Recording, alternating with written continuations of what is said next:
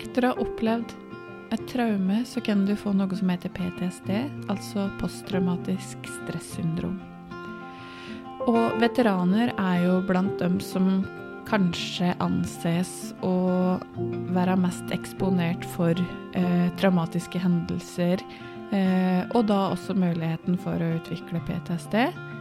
Og en av dem er Paul, som har delt sin historie om eh, utenlandstjeneste og det å bli tatt til gissel. Og nå skal vi få høre hans historie om hvordan det er å leve med en PTSD-diagnose. Da vil jeg få ønske deg velkommen tilbake til godstolen, Paul. Tusen takk for det. Hyggelig å være tilbake. Ja, så bra. Vi har jo snakka tidligere podkaster eh, der du har delt både fra barndommen din, mm. du har delt fra utenlandstjeneste og også en gisselsituasjon som du opplevde. Ja. Eh, og et selvmordsforsøk i etterkant av da ja, den erfaringen du har dratt med deg, da. ja, stemmer det. Så jeg tenkte at kanskje du vil Har du lyst til å fortelle litt om For jeg vet at du eh, fikk ikke så mye hjelp som du skulle ønske at eh, du kunne få etter det selvmordsforsøket. Men du har på en måte kommet deg ut av det på egen hånd. Ja, i den grad man kommer ut av det, så, Ja. så vil nok jeg si det. Um, Og som vi sa sist, så fikk jeg nok ikke den hjelpen um, jeg trengte. Nei. Og det skyldes dels av at på den tiden, dette var jo i 2000, Ja. så var ikke det mye fokus på eh, posttraumatisk stresslidelser i Norge. Vi visste om det. Vi visste også om at det var mange etter annen verdenskrig som hadde slitt med krigstraumer. Mm. Eh, myndighetene var nok klar over at eh, det kom soldater hjem skadet. Jeg, hadde, jeg var livvakt faktisk for Jørgen Kosmo når han var på reise på Balkan i mm. 93. Ja. 94. Og da hadde jeg en samtale med han om dette med at det var flere og flere veteraner da som, som slet. Og da innrømmet han det, at de visste om det. ja. Og han hadde et fokus på det. At han eh, eh, syntes det var litt for mange som hadde eh, rapportert seinskader. Mm. Eh, men det var ikke i helsevesenet noe særlig fokus på denne problem, problemstillingen. Eh, og det som var også litt sånn forunderlig, var jo at eh, når du gikk til myndighetene, eller gikk til helsevesenet, da, for det sivile helsevesenet, så fikk du beskjed om at nei, dette er Forsvaret sitt problem. Å ja. Du, så jeg måtte henvende meg hos Forsvaret. Og Forsvaret sa jo da, så sant var, at nei, dere er ikke ansatt hos oss lenger, Nei. så dere må gå til det sivile helsevesenet. Ja. Så vi ble sittende mellom to stoler, både da at det ikke var noe tilbud til oss, Mhm. eller at det var noe særlig fokus på uh, senskader fra krigsopplevelser. Mm. Og det gjorde at eh, det var veldig vanskelig å bli hørt eh, for denne problemstillingen. Mm. Um, så det gikk noen ja, i hvert fall noen år der jeg var på søk etter eh, å finne noen som kunne hjelpe meg. Ja. Um, og det fant jeg ikke, rett og slett. Nei. Men når du sier det gikk noen år, eh, kjente du på en måte at eh, den PTSD-en At det ble på en måte verre og verre? Ble Ja, det mer og altså- mer unngåelse og sånne ting, eller? Ja, altså For det første så måtte jo jeg innrømme at jeg hadde posttraumatisk stresslidelse. Ja. Jeg måtte sjøl bli trygg på den diagnosen. Mm. Um, jeg, eh, som jeg har sagt tidligere i disse sendingene, så, så har jo jeg et selvbilde på den tiden at jeg var en tøff soldat som Mm. taklet det meste og ja. hadde fått masse medaljer for at jeg var nettopp en tøff soldat så det Mm. tålte det meste. Eh, det jeg ikke tålte, det var det sivile livet hjemme. Mm. Um, og da tenkte jeg det at problemene må jo ligge da hjemme. Det kan ikke være ute. Nei. Siste kontingenten jeg hadde ute, var jo i Bosnia. Jeg fikk jo toppkarakterer Mm. eh, for den tjenesten. Men når jeg kom hjem, så fikk jeg ikke et forhold til å fungere. Og å være far klarte jeg ikke å få til å fungere. Nei, ikke sant. Så i min eh, verdensoppfatning på den tiden, så var jo det at det var hjemme problemet lå, og ikke det at jeg hadde vært soldat. For det mestret jeg jo. Ja. Ja. Mm. Så da ble det til at eh, jeg lå alle mine problemer på ting som jeg trodde var problemet. Altså Mm. samboer, Hjemmesituasjonen, på en måte. arbeidskollegaer Ja, altså alt, alt som jeg følte strittet litt imot meg. Ja. Det, det var de som skapte disse problemene og gjorde at jeg følte det så tungt som jeg gjorde. Du var rett og slett i en offerrolle. Ja, jeg vil ikke si det, men jeg letet etter svar på de feile stedene. Ja, ikke sant? Ja. Ja. Jeg så bare resultatet av min skal vi si, oppførsel. Eh, at eh, det var det som var problemet, Mhm. ikke grunnen til at det ble eh, problemer. Nei, ikke sant? Så jeg tror ikke jeg var et offer, jeg tror bare at jeg hadde feil fokus. Ja. Ja. Mm. Og det tror jeg også eh, gjelder mange, ikke bare veteraner som, som sliter med PTSD, men også mennesker som opplever traumatiske hendelser. Mm. For det er så akutt. Ja. At eh, det blir en så stor forandring. Mm. At du begynner å lete etter å finne hva er det som gjør at jeg føler som jeg gjør. Ja, for det, det er jo litt dette der med at eh, å finne mening i ting, Mm. ikke sant? Og når du ikke gjør det, så blir jo ting litt sånn håpløst. Ja, Hjernen vår er jo veldig merkelig. Mm. Han er jo en Ja. rar computer. Eh, En av de rare tingene han gjør, det er at han skal hele tiden finne den logiske sammenhengen i ting. Mm. Eh, Og da, hvis ikke han klarer å fylle i hullene med det han får informasjon om, så begynner han å utvikle eh, da, egne svar. Ja. Eh, og det gjør at eh, Ja, f.eks. at jeg kom hjem, og vi hadde en diskusjon, krangel, med samboer om noe. Mm. Så var det der jeg hektet mine problemer. Ja. Istedenfor å tenke at kanskje jeg hadde med meg problemene inn i samtalen. Mm. At jeg var allerede passiv og aggressiv Mm. før samtalen startet. Mm. Mm. Ikke sant. Men når var det det Eller åssen var det det snudde for deg? Ja, det var jo en liten prosess eh, det òg. For det at eh, eh, Som jeg sa, så jobbet jo jeg som ambulanseleder. Jeg var stasjonssjef for en ambulansetjeneste. Og fungerte veldig godt. Og det er jo også en sånn rar ting med, med de som har posttraumatisk stress. De fungerer veldig godt i krisesituasjoner. Mm. Eh, men det er fordi at vi hele tiden tenker kriser. Ja. Eh, Så det er veldig mange som opplever, som har PTSD, at eh, hvis de blir vitne til en trafikkulykke, f.eks., Mm. så tenker de rasjonelt. Mm. Eh, Så jeg fungerte veldig godt i, i ambulanseyrket. ja, for kroppen er jo konstant i beredskap, ikke sant? Så hver gang alarmen gikk, så var jo jeg ferdig å eh, ta på meg uniformen jeg, før, ja. før eh, de var ferdige å si hvor jeg skulle rykke ut. Ja. Så jeg, var veldig dyktig på den siden. Ja.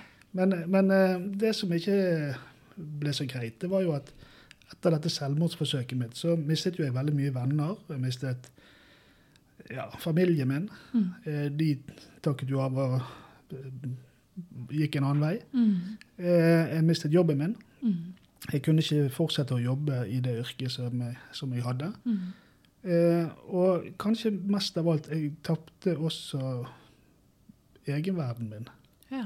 Selvbildet mitt forsvant litt. Ja. Eh, For det ble så forrokket. Mm. Hvordan kunne jeg som var en sånn overgiver, eh, plutselig ende opp som en psykiatrisk pasient? ja. Det, det var et stort fall også for meg. Mm. Eh, og når jeg da møtte bare stengte dører, både i helsevesenet eller det offentlige, Mm.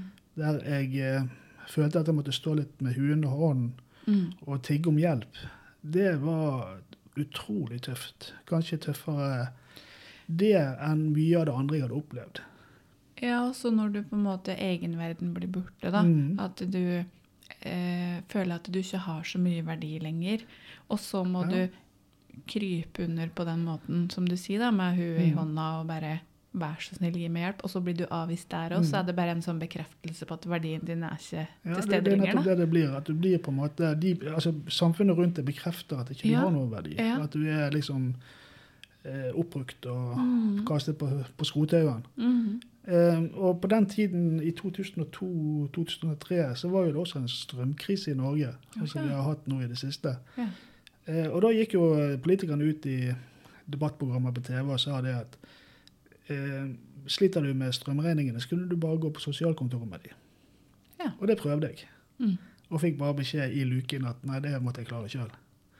Ja. og På den tiden hadde jeg ikke penger. Jeg hadde ingenting. Jeg eh, hadde, så, jeg hadde ikke til mat engang. Mm. Så jeg, jeg gikk jo ned ja, Når det snudde, så var det 70 kilo. Og Ja. jeg skal egentlig være 90. Ja.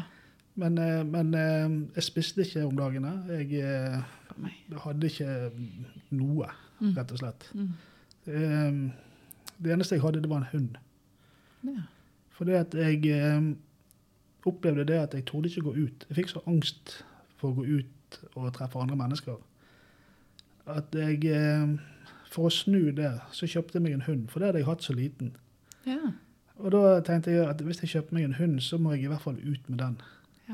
Ja. Og så samtidig så får jeg kanskje litt sånn trøst Litt hjemme. selskap. Litt ja. selskap Ja. hjemme. Så jeg kjøpte meg en hund, og, og den har jo på mange måter reddet livet mitt. Mm. Den hunden opp gjennom årene.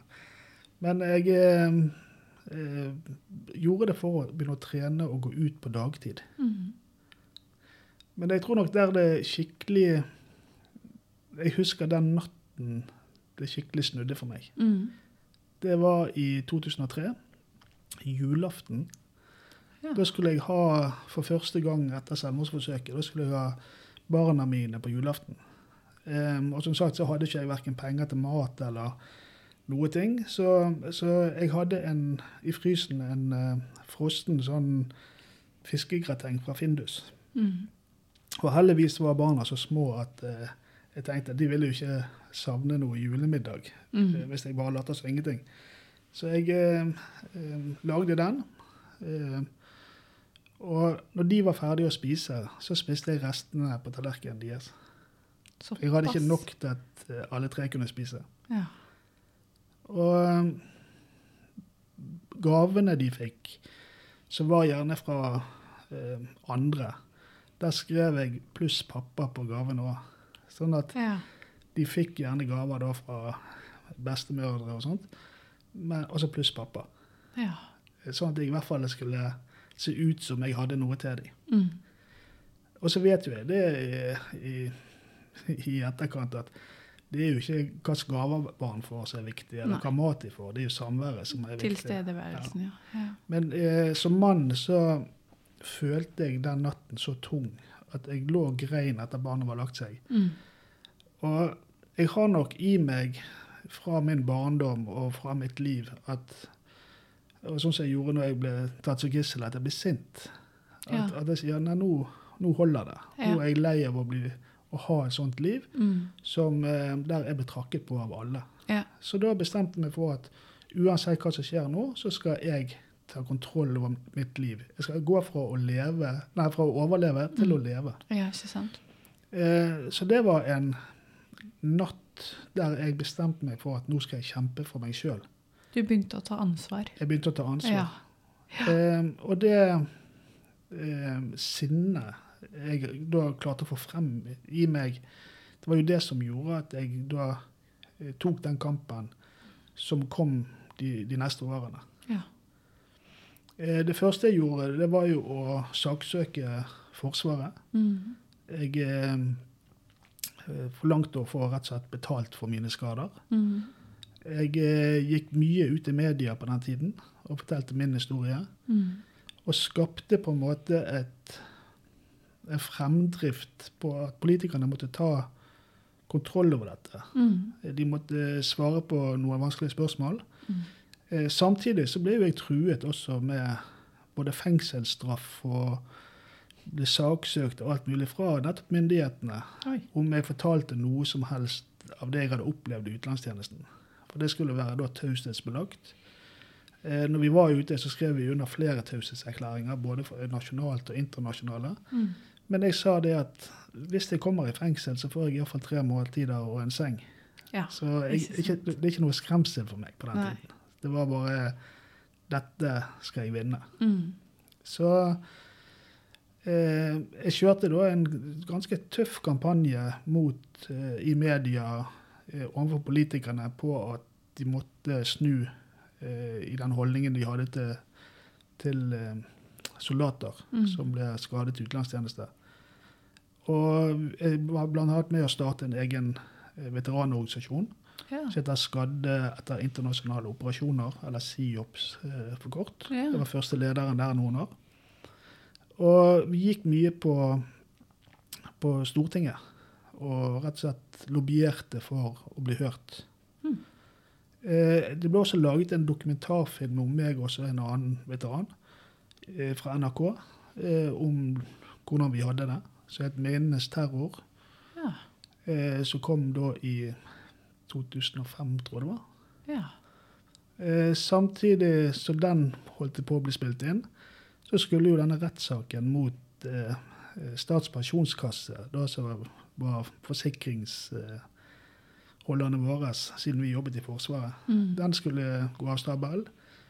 Og da husker jeg at eh, rett før, noen dager før vi skulle møte i retten, så fikk vi telefon fra Stortinget. Mm. Da var det eh, Advokaten min fikk i telefonen at eh, Jørgen Kosmo ikke kunne møte. Han var da blitt stortingspresident, fordi han mente da at han hadde ikke noe å tilføre i saken.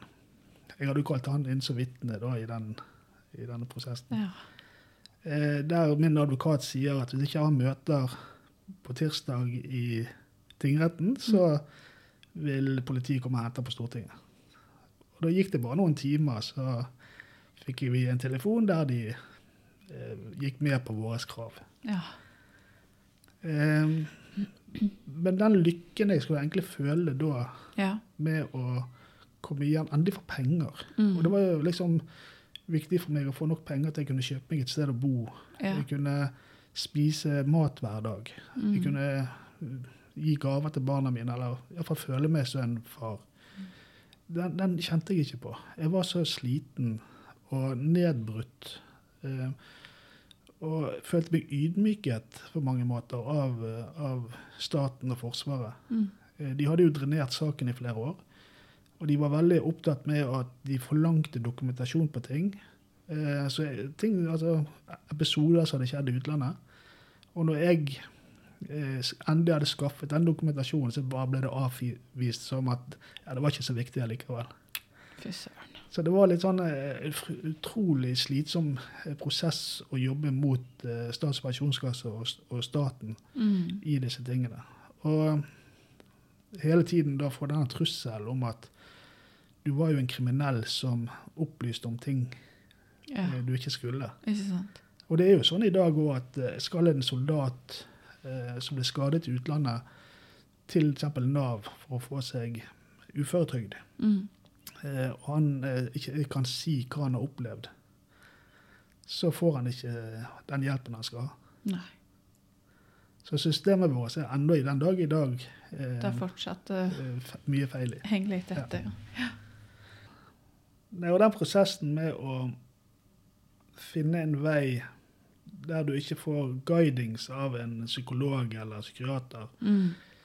det blir mye prøving og feiling. Ja, det vil jeg tro. Ja.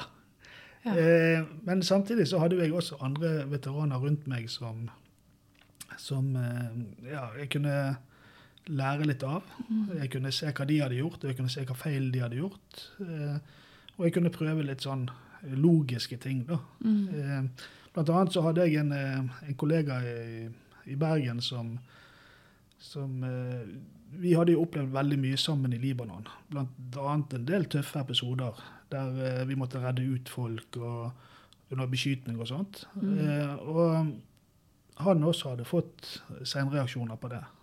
Og, og, og det vi opplevde, var jo at vi hadde de samme fryktene. Mm. Eh, Så vi reiste da til Bergen sentrum i med- i en periode. Og så begynte vi å trene på å gå over Torvamenningen, som det heter. Det er sånn stor åpen plass i Bergen sentrum. Ja. Med masse bygninger rundt og masse vinduer. Og vi følte jo at vi var eh, kunne bli skutt når som helst. Mm. Så i begynnelsen så gikk vi bare langs kantene, og så reiste vi hjem igjen. Men så begynte vi jo da liksom å tørre å gå ut på plassen. ja. Eh, og kjenne på den frykten av at nå blir vi skutt. Gradvis eksponering, Ja, da. det var rett og slett eksponeringsterapi. Ja. eh, uten at vi hadde noen som fortalte oss at det var sånn vi skulle gjøre det. Ja. Men vi ville begge to tilbake igjen til livet, så vi ville liksom utfordre oss sjøl Ja. eh, gjennom det. Jeg eh, stoppet f.eks. å drikke alkohol. Mm. Jeg er jo ikke avholdsmann, men, men eh, jeg fant ut det at nå er jeg i fare for at jeg kan drikke vekk problemene. Mm. Jeg opplevde det noen ganger at hvis jeg drakk alkohol, så sov jeg lettere. Ja. På samme måten som at du tør mer når du har drukket. Mm. Men jeg fant ut at jeg ville ikke bli hektet på det, for du kan både bli fysisk avhengig, men også psykisk avhengig. Mm. At du er nødt til å ha den trøsten før du tør å gjøre noe. Mm. Så jeg bestemte meg for at eh, frem til jeg var bra nok, så skulle jeg ikke drikke alkohol. Mm. Ehm, og det følte jeg da i mange år, uh, før jeg følte at nå kan jeg endelig Ta den. ta meg en øl igjen. Ja. Uh, og vi trente da uh, også mye på dette og hvordan vi tenker rundt disse tingene. Ja. Uh, det er mange frykter som holder oss tilbake igjen. Og da fant vi ut at vi skulle identifisere det som Altså problemområdene. så vi- Identifisere triggere, da. Ja, triggere og problemer, sånn at vi kan møte de. Mm. Eh, For det at du klarer ikke å møte alt. Du er nødt til å ta liksom et skritt av gangen, Mm. og, og så lukke disse lukene som er, som er åpne. Mm. Jeg, som sagt, jeg kjøpte meg en hund, en schæferhund, og en eh, annen tidligere kollega fra utenlandstjeneste, han var eh, leder for hundetroppen i Heimevernet i Bergen. Ja. Så han inviterte meg med på å bli med hos de. Så da trente jeg hunden min eh, i Heimevernet. Og trente han da som patruljehund, sånn som vi hadde hatt i utlandet. Og da også måtte jeg eksponere meg. Da måtte jeg tilbake igjen. Men, men samtidig følte jeg det var lett å gå tilbake igjen til Forsvaret. Der For var, der jo, var du jo god. ikke der var jo jeg god. Ja, ja, ja. Eh, Så det å kombinere det med å trene hunden og Mm. få det fellesskapet der, det, det gjorde veldig mye bra for meg. Så bra. Mm. Mm. Og du får jo kjærlighet av en hund. bare Ja, du ser på jo det. Så, så han hjalp meg også med den biten. Ja. Ikke bare eh, det at jeg kom meg ut av huset. Mm. Så jeg, jeg sier jo til alle som sliter, at kanskje et dyr kan være en, en, en fin ting for dem. For den er jo der uansett, og den er på en måte viser glede når du kommer, uansett hvor lenge du har vært borte. Og den er ikke dømmende, den aksepterer det for den du er. Den er på en Mm. måte Ja, det er jo menneskets beste venn, da. Ja. Det ligger jo noe Og i det. samtidig så klarer du på en måte å finne glede i det at du klarer å ta vare på det. Ja, ikke sant? Altså at den er avhengig av deg, så du er nødt til å, å liksom prestere. Du kan ikke, jeg kan ikke gå og ta livet mitt, for den er faktisk avhengig av meg. Ja. Ja. Så det Mm. blir litt sånn eh, hjelp begge veier, kanskje. Mm, Mm. det vil jeg tro. En av, I den prosessen det, var det veldig viktig for meg å finne ut hvordan min PTSD virket på meg. Mm. Uh, og du kan jo ta ti mennesker med PTSD, og de har ikke samme symptomene. Det er jo uh, veldig individuelt, ja. ikke sant? Eh, Du har en lang liste med symptomer, Mm. og for noen mennesker så er det noen av de punktene som gjelder, og for Mm. andre er det andre punkter. Eh, Det viktigste når de stiller den diagnosen, er vel at du er på en måte innom mm, um, eller de kriteriene, da. A-kriteriet, B-kriteriet, C og D og E, tror jeg. Ja. At du har på en måte noe innafor Mm. hvert kriterium. ja. Mm. Og en av de som jeg identifiserte som min, som min sterkeste, det var jo depresjon. Mm. Jeg eh, hadde vel perio lange perioder med depresjon. Mm. Og jeg måtte finne ut hva det som gjør, hva det som trigger min depresjon. Ehm, og når jeg lærte meg den for jeg, for jeg må jo innrømme at jeg ble jo så sliten, ikke av å være deprimert, men å komme ut av det og så gå inn igjen. Altså Ja. disse oppturene og nedturene. Mm. Når du er litt manisk og litt uh, sånn, og, Mm. og, og så går du ned igjen i mørket, og så skal du opp igjen. Mm. Og det er veldig slitsomt å holde på sånn opp og ned og frem og tilbake hele tiden. Mm. Og, og da identifisere symptomene på egen kropp.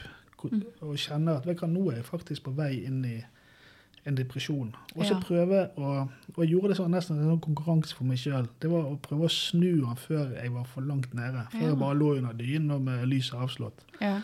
Så skal jeg klare å snu det. Jeg måtte finne måter å eh, snu det for meg sjøl uten å bruke medikamenter og uten å bruke Alkohol, alkohol, eh, alkohol og Mm. andre sånne stimuli.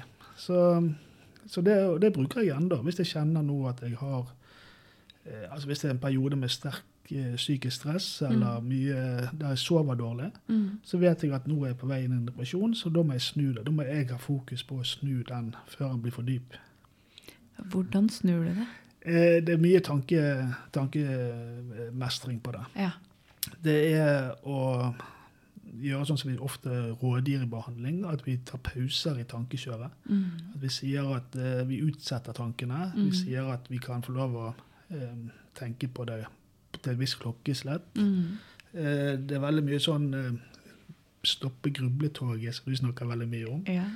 Eh, ha fokus på å ikke ha selvmedlidenhet. Mm. Eh, jeg føler at mange som har depresjon, de er veldig sånn offer. Ja. Ja. Mm. Eh, og rett og slett blir også litt sint og, og Ja. kjempe seg gjennom det. Altså. Du skal gå litt i høy snø, som jeg sier. Du skal kjempe deg av gårde gjennom det. Er du noe god på egenkjærlighet? Ja. Ja, så bra. Og selvskryt, Mm. det er viktig. Mm. Eh, og det må, det må jeg ta før jeg kommer for langt ned. Ja, for da er det jo vanskelig. Da er det vanskelig. Ja, ja. Det må jeg ta mens jeg kjenner at nå Mm. eh, må jeg stoppe dette. Mm. Da kan jeg være flink på det. Men kommer jeg for langt ned i depresjonen, da klarer jeg det ikke. Å lytte til kroppen og litt sånn hva du trenger og har behov for. Ja. Ja. Eh, og eh, ja, jeg har jo andre perioder med sterke mareritt, f.eks., Mm. som kommer og går. Og da må jeg ta hensyn til det og ta pauser. Jeg Ja. kan ikke jobbe f.eks. når jeg ikke sover om natten, Nei. eller har mye mareritt. Mm. Jeg kan heller ikke ta på meg store oppgaver da. Så eh, jeg må være forsiktig med hvordan jeg disponerer meg sjøl Mm. eh, for å kontrollere denne depresjonen. da. Mm. Eh, og det er jo sånn som jeg pleier å sammenligne det med, er jo at eh, så lenge jeg har det bra, så klarer jeg å holde et lokk på det. Men Mm. når jeg blir sliten, så klarer jeg ikke å stå imot trykket, og da blir jeg deprimert. Ja. Ja. Mm. Så jeg har en sånn indre kramp eh, eh, hele tiden på å holde det i sjakk. Sånn som jeg som terapeut, da hører jo at det er mye som er ubearbeida her, som Mm. på en måte ikke er Det er ikke alt som er tatt tak i, men Nei, du har på en måte funnet din måte å kunne Mm. leve i verden på, da. Og det tror jeg gjelder de fleste som har opplevd tunge ting i livet. At Mm. eh, eh, du blir jo aldri 100% frisk igjen, for det såret vil jo alltid være der. Ja, det vil jo alltid Mm. være der, eh, for det er jo en del av deg. Ja. Men det handler om at en lærer seg å ikke bruke tid på det, eller Mm. eh, mye energi på det som har skjedd, da. Ja. Eller bare ja, godta det. Mm, Og, og ta, det som, ta det som en eh, erfaring som Mm. du kan bruke til noe bra. Absolutt. Og det, og det var jo det jeg gjorde. Jeg eh, begynte å undervise mye. ja. Jeg begynte å reise rundt på sykepleierskoler og sånt, og holde foredrag om det å leve med PTSD. ja. Um, og jeg eh, det, eh, jeg var blitt kommet meg sjøl på beina, da, så, så fikk jeg meg også jobb i Oslo. Ja. Eh, flyttet til Oslo og jobbet eh, i Næringslivets sikkerhetsorganisasjon, som det heter. Eh, der jeg eh, jobber som eh, rådgiver. Eh, og følte at livet nå var begynt å bli mye, mye bedre. Mm. Eh, så en dag så får jeg en telefon fra en kar som presenterte seg, bare med fornavn, om jeg kunne ta og treffe han og ha et møte med han. Mm. Og min arbeidsdag på den tiden gikk jo ut på å ha møter, så jeg tenkte jo ikke noe, noe spesielt på det. Men han ville ikke komme på kontoret, så, så han spurte om jeg kunne treffe han da etter arbeidstid. Ok. Og jeg ble litt sånn i stuss på det. Hvorfor vil ikke du treffe meg i kontortid? Det er da jeg har lønn. Mm. Eh, Men OK, så jeg, jeg, skal eh, eh, Jeg kan treffe deg på Oslo S, Mm. på jernbanen, for jeg skal jo ta toget hjem, da. Så, så Og det, det skulle vi da eh, gjøre den samme ettermiddagen. Mm. Men når jeg kom ned til Oslo S, så eh, fikk jeg en telefon om jeg kunne komme bort med Hotell Opera. Oh, ja. Fordi at eh, de hadde, de hadde bil med seg, og de fikk ikke parkert. Så jeg ja, jeg får nå gå bort og høre hva disse var. Jeg, var noe, jeg tenkte at dette blir bare tull. Litt sånn suspekt. Ja, dette er sikkert noe jeg skal selge meg. Så jeg eh, har jo de på telefonen da, mens jeg går bort her, og så forklarer de hvilken bil det er. Og dette var da en gammel Jeep, eh, eh, sånn Oi. Suzuki Jeep. Eh, og jeg tenkte, ja, ok. Og inni der så sitter det en stor mann med masse skjegg, skikkelig sånn der på brystet, Ja. og så en liten engelskmann. Og når han eh, så meg, så smilte han, og da stod, hadde han en sånn gulltann i, på ene Oi. siden. Ja. Jeg tenkte, Dette ser ut som noen kjeltringer. Ja. Og de ja, men bare hopp inn i bilen bak, du, så skal vi, eh, skal vi kjøre et sted og prate, sa de. Og jeg eh, så bak i denne bilen. Der var et barnesete. Det var masse tomgods, tomme flasker, papir, søppel. altså Det så skikkelig herjet ut. Oi. Og jeg bare Nei, nei, nei. Dette, jo, men vi er fra Etterretningstjenesten, og vi har lyst til å, å komme med et tilbud til deg. Eh, ja, så jeg, er fortsatt skeptisk. At det var en engelskmann da som snakket mest. Mm. Eh, og så sier de ja, men det, du kan få ringe opp på, på Lutvann, og så kan du få snakke med dem. Du bekrefter at det er riktig. Mm. Og så fikk jeg en telefon, og der var det en dame som sa ja, de jobber for, for Etterretningstjenesten. Og så sier jeg til han at ja, men jeg så ikke hvilket nummer du slo. Jeg vet ikke hvem du er. Ehm, du kan få hvem som helst til å si noe i en telefon.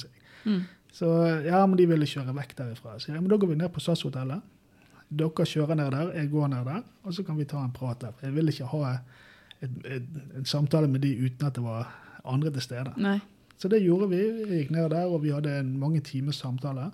Ja. Og da ble jeg invitert med til å være rådgiver da for eh, Etterretningstjenesten inni, innen dette med opplæring i gis- gisselsituasjoner. Å, Noe som heter Conduct After Capture. ja. Um, og det var jo må jeg si var en utrolig spennende jobb. ja, det vil jeg tro. Ja, jeg var rådgiver da for, for sjefen der oppe, og jeg ble også utdannet som instruktør i, i dette. Og jeg tror at det fikk meg også til å bearbeide min Mm. hendelse fra min gisselsituasjon veldig mye. Ja. Og blant annet eh, så var jeg mye med å holde da foredrag, eh, og vi hadde mye kurs og uttak for spesialstyrker og sånn Mm. eh, i den tiden. ja. Og der var jeg i ti år. Ti år, ja. Ti år faktisk, Oi. og jeg rådgiver der. Ja. Eh, og det var en kjempefin eh, tid. Ja. Og jeg Ja, jeg føler at det å få da lov å lære om de tingene, sitter ting, mine egne ting litt i perspektiv, Mm. Ja. Ja, så det var på en måte litt sånn behandling for det. det var rett og slett en behandling for. Ikke sant? Så bra. Treffe andre Jeg var jo med i intervjuet andre som hadde sittet i fangenskap rundt hele verden. Ja. Eh, og så deres reaksjonsmønster, og kunne bruke min erfaring på å hjelpe de. Ikke sant? Og det, det er en tid jeg ikke ville vært foruten. Så bra. Mm. Ja. Altså, jeg må jo jeg er tilbake til dette med at skal du i Norge i dag kunne komme deg gjennom sånne eh, hendelser, så må du faktisk ta tak i det sjøl. Mm. Du kan ikke sitte bare og forvente at noen kommer og hjelper deg, for det er ingen som gjør det. Nei. Det er liksom den der eh, som vi har snakket også tidligere om, at du må dra deg sjøl opp etter nakkevarene og så Mm. eh, bli sint. Eh, slå i bordet litt. Grann, det hjelper alltid. Få oppmerksomhet. Handle. Handle, ja. Mm. Og så ta, ta kontroll over sitt eget liv. Mm. Eh, det fungerte for meg. Ja. Jeg måtte gjøre noen eh, kloke valg. Eh, jeg har også gjort noen mindre kloke valg, men det har jeg lært av det òg. Mm. Og så har jeg funnet min vei gjennom den delen av livet mitt som, som var veldig tung. Mm. Mm. Mm. Og jeg må jo si det at det å oppleve jeg, jeg sier til alle at du skal alltid se det tilbake igjen. Hvordan hadde du det i fjor? Eller hvordan hadde du det for fem år siden? Ja. At du skal hele tiden For du ser ikke de små skrittene du tar. Nei. Men når du snur deg og ser hvor langt du er kommet, så er jo det en utrolig fin opplevelse. Absolutt. Jeg, jeg, jo, jeg kjøpte jo meg en bil etter jeg fikk denne kompensasjonen. Jeg husker jeg skulle kjøre fra Bergen til Trondheim, og jeg kom til Voss. Da brøt jeg helt sammen. Da hadde jeg så angst. Ja. At jeg satt og grein i bilen. Måtte ringe en annen kollega for å Han skulle liksom snakke meg ned Ja. for denne angsten. Eh, nøyaktig ti år seinere så kjører jeg alene gjennom USA på motorsykkel. ja. Tenk på det. Og det er liksom da jeg kan se tilbake igjen at for ti år siden så hadde jeg det sånn. Mm. Da kunne ikke jeg kjøre alene i bil engang uten Mm. å grine. Nå kan jeg kjøre alene på motorsykkel gjennom hele USA. Mm. Eh, så det å forvente at du ser forandringer hele tiden, Eh, det gjør du ikke, men tenk da tilbake igjen. Hvordan var det for et år siden? Mm. Hvordan hadde det da? På en måte se litt det store, store bildet. Store bildet. Mm. For, det, for det er ikke noe lett å snu eh, psykiske problemer, like lite som det er fysiske skader. Mm. Altså Knekker du foten, så går du i åtte uker med gips og, Mm. og må trene deg opp igjen. Og samme er jo det med følelsene våre. Ja, det tar jo lang tid, Mm. og du må legge inn en enorm egeninnsats i å jobbe med det sjøl, og skal du få det til å snu. Mm. For det hjelper jo ikke på en måte å komme til en psykolog eller en terapeut og si at 'fiks meg'. Nei.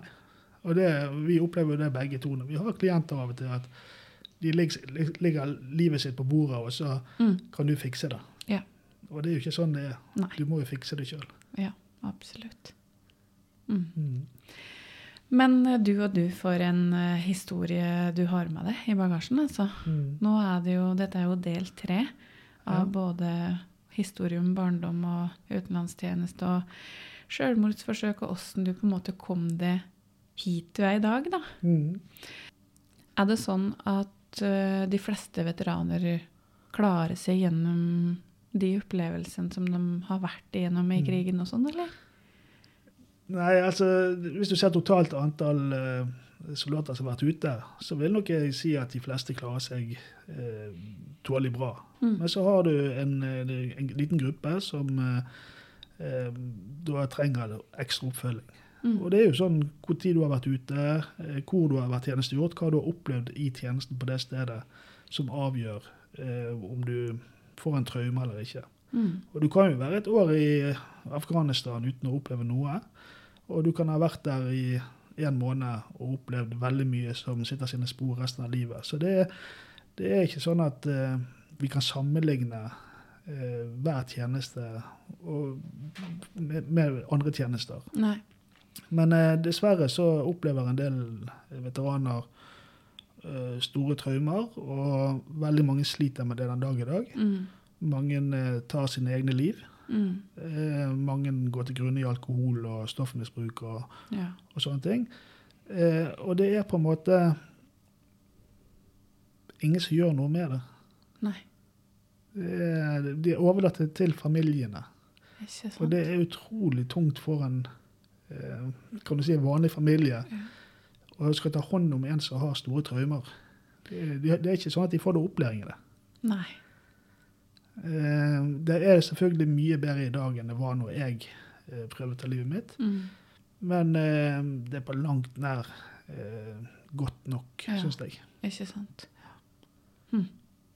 Men hva, hva skal til for at eh, de skal kunne få den oppfølginga, tenker du? da? Hva må til? Det er at myndighetene må innse at all krig har en pris. Ja. Eh, vi er veldig flinke på det å trene soldater før de reiser ut. Mm. Ivareta de mens de er ute. Så tar Forsvaret på seg ansvar for deg i ett år eh, når du kommer hjem. Mm. Og så skal det sivile helsevesenet ta seg av deg. Ja. Men du havner jo da i samme gryten som alle andre i helsevesenet. Mm. Og klart det at eh, du har jo ikke noe forrang, og det skal du kanskje ikke heller ha, for andre psykiske lidelser. Og når vi vet at vanlige altså psykisk hjelp i dag i Norge er veldig dårlig, Mm. eh, og burde vært mer utbygd, Ja. eh, der folk står altfor lenge i kø og får ikke hjelp, Mm. så, så havner også en soldat da bakerst i den køen ja, han gjør det. uten å få noe. Og Hvis ikke denne psykologen og psykiateren har noe kunnskap om å snakke med disse menneskene, Mm. så, så blir det liksom bare tull ut av hele greien. Mm. Og det krever litt spesielt å snakke med en soldat som har vært i krig, i forhold til en som har blitt mobbet på skole, f.eks. Mm. Det er litt andre verktøyer du må inn med. Ja, og jeg har jo i utdanninga mi eh, Ehlers og Clark fra Mm. um, England Ja. i forhold til kognitiv therapy for uh, altså PTSD. da. Ja. Em, og eh, der merker jeg jo at eh, hvis at flere hadde tatt den biten, Mm. den utdanninga, hvis at det hadde blitt en sånn der manual som Elle hadde ført, da, Ja. så tror jeg det hadde kunnet blitt god hjelp. fordi at eh, han var utrolig flink, han som hadde Mm. selv undervist oss i det også. Han Ja. jobba mye med soldater, Mm. eh, veteraner, og da i Stavanger, da. Ja. Nei, det er, det er et eget fagfelt. Mm, det det. Dette med traumer. Og, og det stiller også veldig krav til den som skal hjelpe deg. Du skal Mm. tørre å stå i noen historier. Mm. Eh, og du skal tørre å måtte få tilliten til denne veteranen som har litt sånn røffe kanter, kanskje. Mm. Og da kan ikke du være en terapeut som eh, er litt sånn følsom. Nei. Det, du må være litt eh, Altså, du kan Tøff. være følsom, men du, du kan ikke på en måte være tander, da, for å Nei, si det ja. sånn. Du kan ikke bryte sammen i gråt fordi historien blir så tøff. Nei. Det, da vil ikke denne Det handler om å tåle hele mennesket, ikke sant? Tåle det de kommer med. Ja. Mm. så, Nei, jeg hadde håpet at vi kunne bli litt flinkere i Norge. Jeg mener jo Norge, jeg har jo foreslått det i mange år. Mm. At Norge skulle blitt ledende på traumebehandling. Mhm. Vi har eh, jo 22. juli. Ja. Eh, Vi har eh, Utøya og disse Mm. Eh, barna derfra. Eh, Vi har eh, Kielland-ulykken. Altså, vi har mange store hendelser i Norge som kunne eh, tilsi at vi skulle vært kjempeflinke i Mm. denne type traumebehandling. Mm. Eh, og hadde vi da hatt et fokus på det, at vi fått frem litt flere forskning på det, så kunne vi kanskje i Europa blitt ledende på denne typen behandling. Mm. Men det er jo noen som må komme med pengene. Det er jo myndighetene som må bestemme seg på det. Ikke sant. Mm. Ja. Mm. Jeg- Det høres jo ut som eh, at du har klart det veldig bra gjennom dette her. Mm. Eh, Men jeg vet at det er enda en traumatisk hendelse som du har vært igjennom. Ja. Men jeg tenker at nå har vi brukt litt tid, så vi tar den i en ny episode. ja. Høres det greit ut? Det gjør det. Så bra. Da ønsker jeg deg velkommen tilbake senere, og så får du ha en fin dag. Likeså. Takk Takk. for meg. Ha det. Ha det.